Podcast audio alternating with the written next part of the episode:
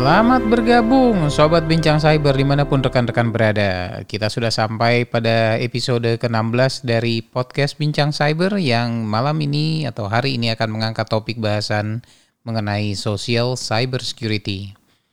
Hingga tahun 2020 ini fokus penelitian terhadap cyber security lebih banyak memberikan perhatian pada teknologi atau lebih tepatnya pada perangkat yang digunakan Kondisi ini dikaitkan dengan istilah tradisional cybersecurity, yaitu kondisi di mana manusia mempergunakan teknologi untuk melakukan proses hacking terhadap infrastruktur atau sistem yang pada akhirnya akan berdampak kepada manusia itu sendiri. Eh, sehingga boleh dikatakan solusi pencegahannya hanya memfokuskan kepada teknologi.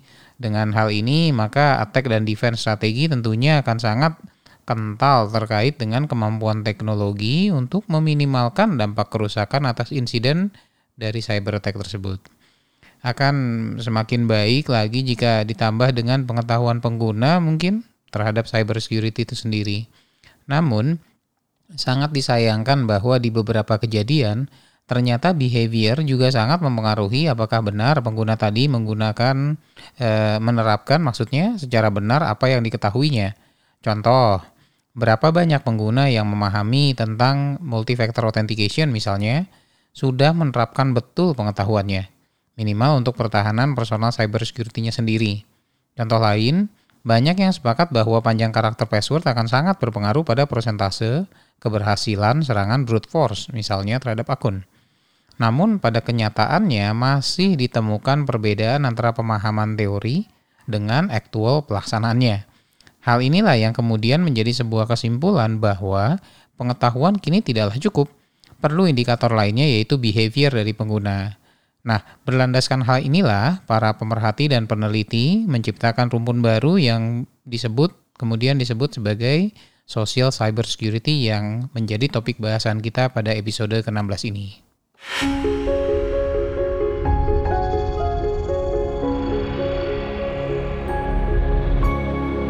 Cyber security uh, secara statistik ya kita sebelum kita bahas lebih lanjut nih kita coba sedikit mengangkat beberapa hasil summary statistik dari berbagai sumber terkait dengan serangan cyber. Ada lima poin di sini saya mulai dari poin yang pertama. Kerusakan yang diakibatkan oleh cybercrime diproyeksikan akan mencapai nilai 6 triliun dolar di tahun 2021, setahun lagi loh dari sekarang. Meningkat uh, setidaknya dari 3 triliun di tahun 2015. Kemudian poin yang kedua, menurut Gartner, investasi cybersecurity di dunia pada tahun 2022 akan mencapai angka 133 juta dolar. Besar sekali. Sementara poin yang ketiga di sini ya, diungkapkan oleh 68 eh, diungkapkan ya ada 68 persen eh, pemimpin organisasi eh, percaya bahwa resiko cybersecurity mereka terus mengalami peningkatan. Jadi setidaknya sebagian besar dari pemimpin organisasi itu merasa adanya perkembangan uh, resiko cyber security dari tahun ke tahun. Kemudian poin yang keempat di sini ada yang kita uh, company bernama Risk Based Security menyebutkan bahwa di semester awal 2019 saja telah terjadi kebocoran data atas 4,1 miliar record data. Sementara poin yang terakhir diungkapkan oleh Verizon yang menyebutkan bahwa 71% kebocoran data akibat serangan cyber memiliki motif finansial, sementara 25% sisanya adalah bagian dari serangan espionage. Nah, kelima poin ini menggambarkan poin yang perlu menjadi pertimbangan di tahun 2020. Cyber Observer menyebutkan bahwa terdapat 8 penyebab utama atas insiden yang uh, terjadi hingga tahun 2020 awal dari tahun 2020 ini yang uh, ada tujuh hal yang diungkapkan oleh Cyber Observer. Yang pertama dan yang paling umum adalah password yang berhasil diretas, entah karena ukurannya terlalu pendek atau gampang ditebak. Kemudian yang kedua, backdoor atau kelemahan atas aplikasi. Uh, sementara yang ketiga, di sini ada komponen malware. Yang keempat, uh, akibat dari social engineering.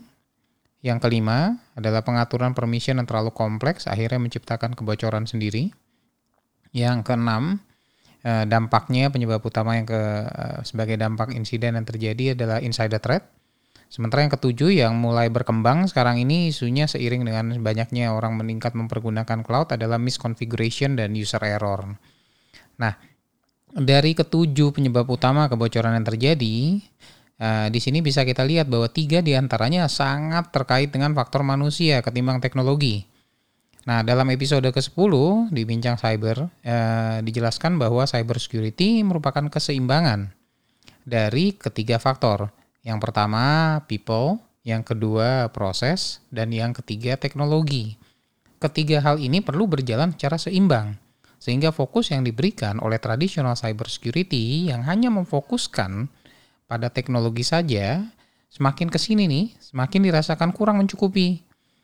Nah, meskipun upaya peningkatan pertahanan dengan melibatkan unsur people sudah dilakukan, misalnya dalam bentuk pelatihan awareness, tapi tanpa perubahan behavior, maka bisa dipastikan belum dapat memberikan dampak yang positif.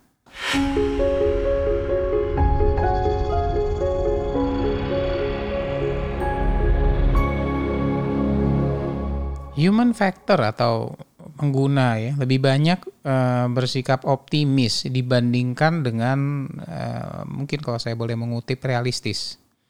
Uh, jadi mereka lebih banyak optimis ketimbang realistis. Meskipun ini dikonotasikan sebagai hal yang negatif. Nah, artinya optimisme itu bersifat negatif ya. Kita coba run nanti. Nah, realita yang ada di sini membuktikan bahwa masih banyak pengguna yang mempergunakan password yang lemah sehingga gampang untuk diretas. Ini salah satu contoh. Karena mereka optimis. Nah, karena mereka optimis bahwa akun mereka tidak akan menjadi target serangan. Nah, ini optimis yang uh, salah ya. Nah, contoh lain misalnya sebagian besar UKM optimis bahwa hanya organisasi besar dan enterprise saja yang menjadi target serangan. Meskipun realitanya nih yang ditemukan oleh Accenture menyebutkan bahwa ada 43% dari target serangan cyber itu mentargetkan kepada UKM. Nah, sehingga boleh eh, hanya dari statistik 43% tadi ya eh, pada penelitian yang sama di sini juga ditemukan bahwa 14 hanya 14% dari UKM tersebut yang memiliki pertahanan yang kuat. Nah, sisanya itu 8 86% sekian atau mayoritasnya itu tidak memiliki uh, pertahanan yang kuat ya. Bahkan pemberitaan yang semakin gencar uh, tentang berbagai kejadian insiden keamanan tampaknya juga belum mampu menghasilkan efek yang positif. Sebagian besar percaya bahwa ancaman cyber itu hanyalah sebuah hal yang nyata.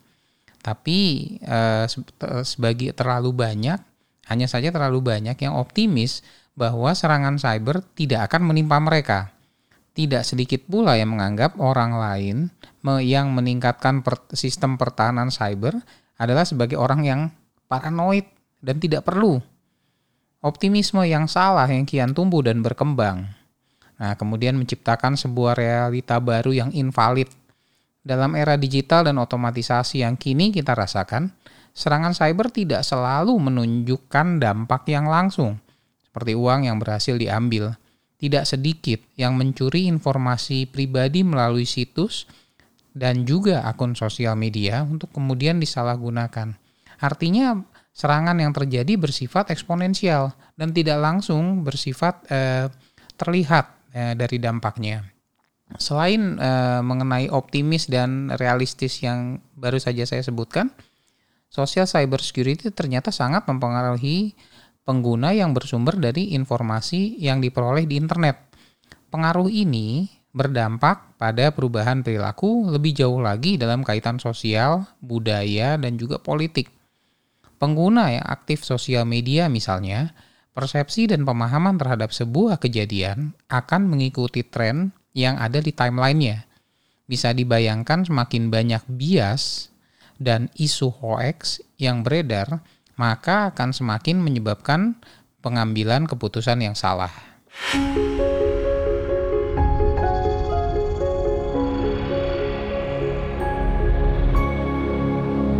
Keputusan yang diambil lebih sering berdasarkan mayoritas kuantitas pemberitaan tanpa menelaah kembali terhadap kualitas informasi yang diberikan. Keterlibatan artificial intelligence pun kini semakin banyak terlihat dengan berkembangnya deepfakes atau fake news yang semakin intens terjadi khususnya pada semester akhir dari 2019. Jika diteruskan, hal ini dapat menciptakan masalah sosial yang semakin kompleks. Penciptaan kondisi melalui pemberitaan yang salah juga dapat membangun ideologi yang salah, serta juga menumbuhkan jiwa hacktivism yang salah di kalangan peneliti dan juga pemerhati cybersecurity. Kondisi ini sangat potensial menyebabkan terjadinya apa yang disebut dengan hybrid cyber warfare – Definisi hybrid yang saya maksudkan di sini adalah kondisi di mana model serangan tradisional cybersecurity dilancarkan bersamaan dengan serangan sosial cybersecurity. Yang tentunya hal ini dapat mengakibatkan dampak kerusakan yang berkali-kali lipat. Ini adalah titik awal di mana cybersecurity sudah semakin merambah kepada social science.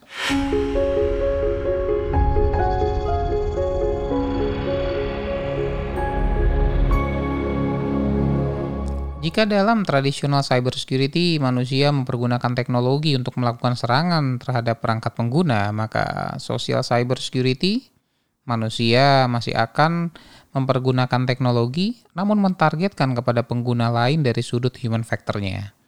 Jadi targetnya berubah, bukan mesin atau sistem, melainkan human dan masyarakat secara luas.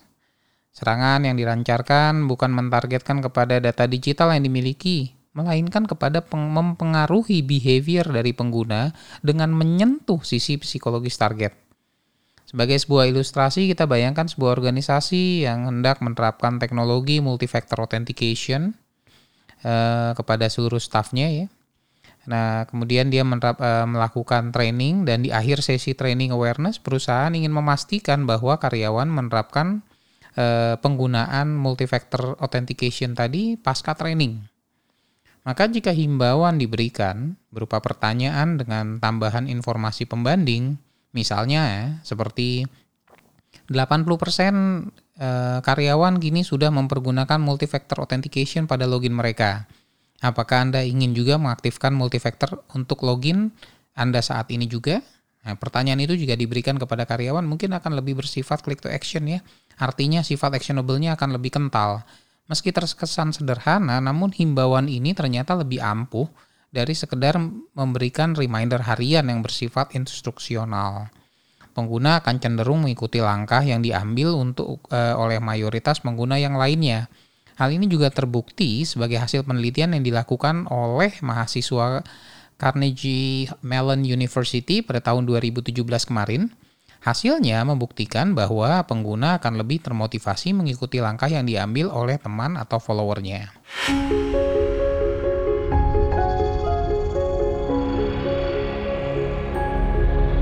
Nah, kita sekarang masuk kepada esensi daripada social cybersecurity.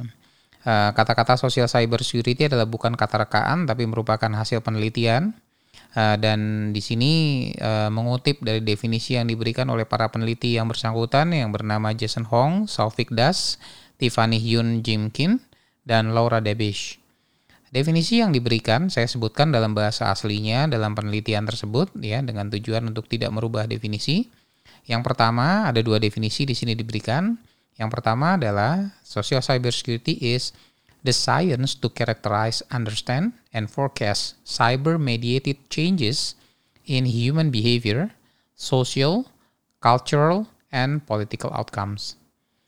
Kemudian poin yang kedua, di sini memberi definisi dari social cybersecurity disebutkan bahwa social cybersecurity is the science and engineering to build the cyber infrastructures needed for society to persist in its essential character in a cyber-mediated information environment under changing condition, actual or imminent social cyber threat.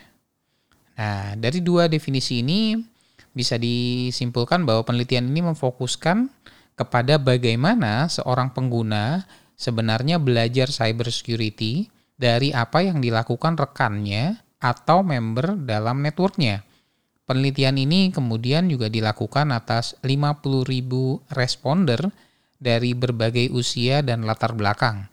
Hasilnya, dari sinilah ditemukan bahwa faktor sosial baiknya secara positif maupun negatif akan sangat mempengaruhi pengambilan keputusan atas arah yang diambil oleh pengguna khususnya dalam meningkatkan pertahanan cyber security-nya. Jadi contohnya tadi terkait dengan penggunaan multi-factor authentication. Jadi keputusan untuk pengetahuan penggunaan dari multi-factor authentication itu adalah lebih bersifat behavior dan motivasi didapatkan dari komunitasnya. Tidak serta-merta dia belajar kemudian menerapkan. Artinya habit yang ada di sini itu akan terbentuk e, berdasarkan e, motivasi yang didapatkan dari lingkungannya. Nah, e, sehingga boleh dikatakan di sini bahwa pengaruh knowledge pengguna kurang memiliki dampak positif terhadap tindakan yang akan diambil.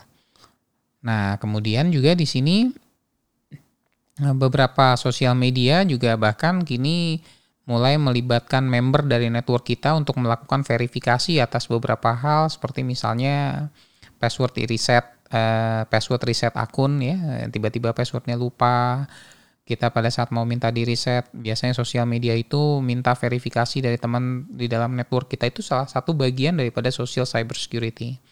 Kemudian himbauan untuk peningkatan keamanan dengan membandingkan rata-rata pengguna seperti yang tadi saya sebutkan dalam kasus multifactor authentication. Nah, inilah yang menarik eh, dan kemudian semakin melebarkan domain cyber security untuk menyentuh social science dan e, tidak salah jika kemudian disebut istilah social cyber security. Jadi ada kata sosial di depannya itu karena e, pembentukan daripada arsitektur, infrastruktur bahkan motivasi untuk meningkatkan pertahanan itu e, dipengaruhi oleh faktor sosial. Nah, sekarang pertanyaannya untuk sobat bincang cyber nih, jika sobat mengetahui mekanisme dan taktik cyber security yang dipergunakan oleh teman atau keluarga, apakah kemudian sobat akan meniru dan kemudian mengikutinya?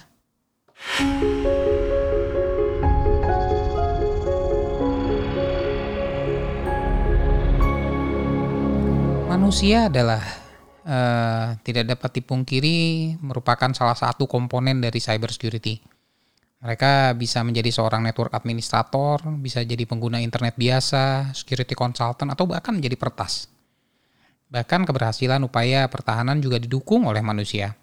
Meskipun terjadi inovasi dan peningkatan awareness atas teknologi yang dapat digunakan untuk menekan dinamika ancaman cyber mungkin, tanpa motivasi pengguna atas penerapan teknologi ini, dirasakan hal ini juga tidak akan mungkin terjadi. Bahkan tidak jarang nasihat positif untuk meningkatkan keamanan tanpa adanya social proof atau pembuktian dari apa yang sudah dilakukan dari network pun akan menjadi kurang diperhatikan. Apalagi juga untuk diterapkan. Penelitian terakhir dalam ranah sosial dan behavior science atau SBS bahkan menyoroti hal ini. Terlebih setelah ditemukan bahwa fakta bahwa peningkatan teknologi keamanan masih belum optimal diterapkan disebabkan behavioral pengguna. Jika pada intinya behavior manusia tidak mudah dirubah, apakah masalah jika sehingga dikaitkan ini sebagai dengan eh, ancaman cyber security? Jawabannya adalah disinformation sebagai dampak dari artificial intelligence. Nantinya kemauan kita untuk mengikuti termotivasi dari perkembangan eh, network Nah, kemudian isunya adalah siapa yang menjadi member dari network atau informasi-informasi yang kita dapatkan itu adalah memang informasi yang bersumber dari manusia atau datang dari bots artificial intelligence. Terobosan teknologi mutakhir dalam artificial intelligence ini memungkinkan mesin atau bot untuk meniru manusia dalam hal interaksi. Sebuah tim peneliti yang dipimpin oleh Talal Rahwan, profesor di bidang ilmu komputer di New York University Abu Dhabi, melakukan percobaan untuk mempelajari bagaimana manusia berinteraksi dengan bot yang mereka yakini sebagai manusia. Dan bagaimana interaksi tersebut dipengaruhi setelah bot tadi mengungkapkan identitas mereka. Peneliti menemukan bahwa bot ternyata lebih efisien daripada manusia dalam hal interaksi antara manusia dan mesin ya tertentu. Tapi hanya sampai jika mereka diizinkan untuk menyembunyikan sifat non manusia mereka Artinya proses interaksi tersebut akan menjadi dingin setelah manusia mengetahui bahwa lawan bicaranya itu ternyata adalah bot. Hasil penelitian menunjukkan bahwa bot yang menyamar sebagai manusia ternyata lebih efisien dalam membujuk untuk kemudian bekerja sama dalam misalnya permainan atau aksi lainnya. Namun, segera setelah identitas asli bot ini terungkap, tingkat pengaruh yang didapatkannya turun menjadi drastis. Eh, meskipun ada konsensus luas bahwa mesin harus transparan uh, tentang bagaimana mereka membuat keputusan. Artinya jelas kronologisnya. Mesin diajarkan untuk jelas secara transparan bagaimana proses pengambilan keputusan. Namun kurang jelas apakah si mesin tadi harus juga transparan memberikan informasi bahwa mereka adalah mesin. Salah satu contoh, misalnya kalau sobat bincang cyber e, baca ada istilah ada nama e, yang dikenal dengan Google Google Duplex. Google Duplex ini adalah automated voice assistant yang mampu menghasilkan ucapan mirip seperti manusia untuk kemudian dapat membuat panggilan telepon hingga membuat janji pertemuan atas nama penggunanya. Pengucapan automated voice assistant Google Duplex ini sangat realistis sehingga orang di sisi lain dari penerima pembicara ya misalnya pakai ponsel orang sisi lain tersebut bahkan sampai tidak menyadari bahwa mereka sedang berbicara dengan bot. Meski etika penggunaan sistem seperti ini masih menjadi bahasan di berbagai negara, namun tetap tidak menghentikan inovasi penggunaan sistem ini. Apalagi jika uh, faktor uh, ada faktor efisiensi biaya operasional dengan penggunaan teknologi ini yang kemudian menjadi pertimbangan utama. Artificial intelligence mungkin bisa menjadi pisau bermata dua tanpa perencanaan dan eh, jangka panjang dan apalagi juga tanpa regulasi yang tepat.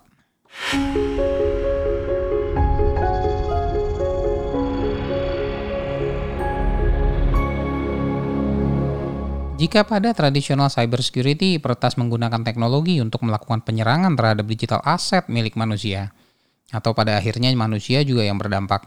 Kini, di dalam sosial cybersecurity, peretas menggunakan mempergunakan manusia atau mungkin artificial intelligence yang tadi kita sebut dengan kata-kata bots untuk mempengaruhi behavior manusia yang lainnya.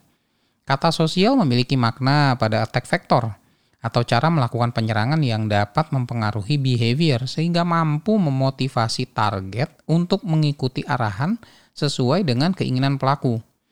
Contoh, fake news, deepfakes.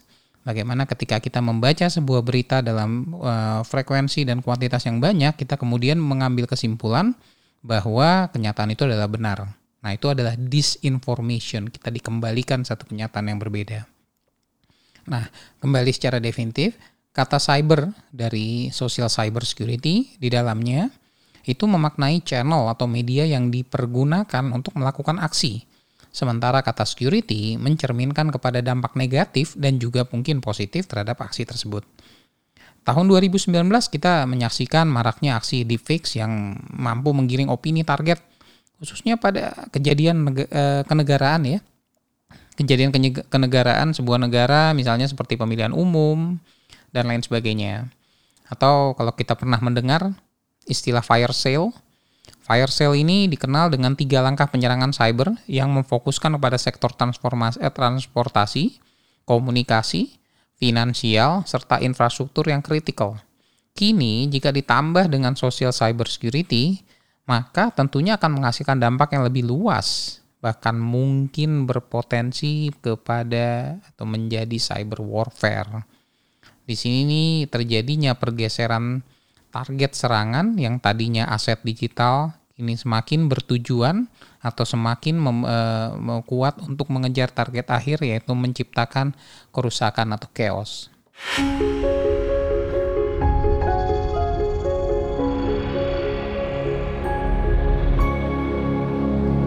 Dari beberapa hasil penelitian dan pendapat para pakar di atas bisa kita ambil kesimpulan akhir bahwa peningkatan pertahanan cybersecurity tidak hanya ditentukan oleh pengetahuan yang dimiliki, tapi juga kepada motivasi pengguna.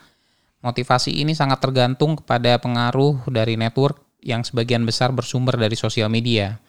Dari tingginya insiden, keamanan yang terjadi, maka tidak ada cara lain selain mulai memotivasi diri sendiri. Dan kemudian orang pada network orang lain pada network kita.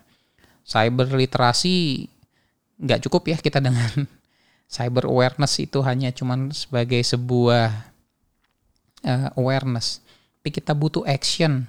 Makanya di sini kita keangkat dengan istilah cyber literasi. Cyber literasi ini dibangun secara bertahap dan kita nggak perlu sungkan juga untuk berbagi seperti mungkin apa yang uh, dilakukan uh, pada podcast bincang cyber ini uh, ingat uh, saya ingat pada satu pepatah uh, yang pernah saya ungkap pada episode lalu bahwa cyber security is only as strong as its weakest link.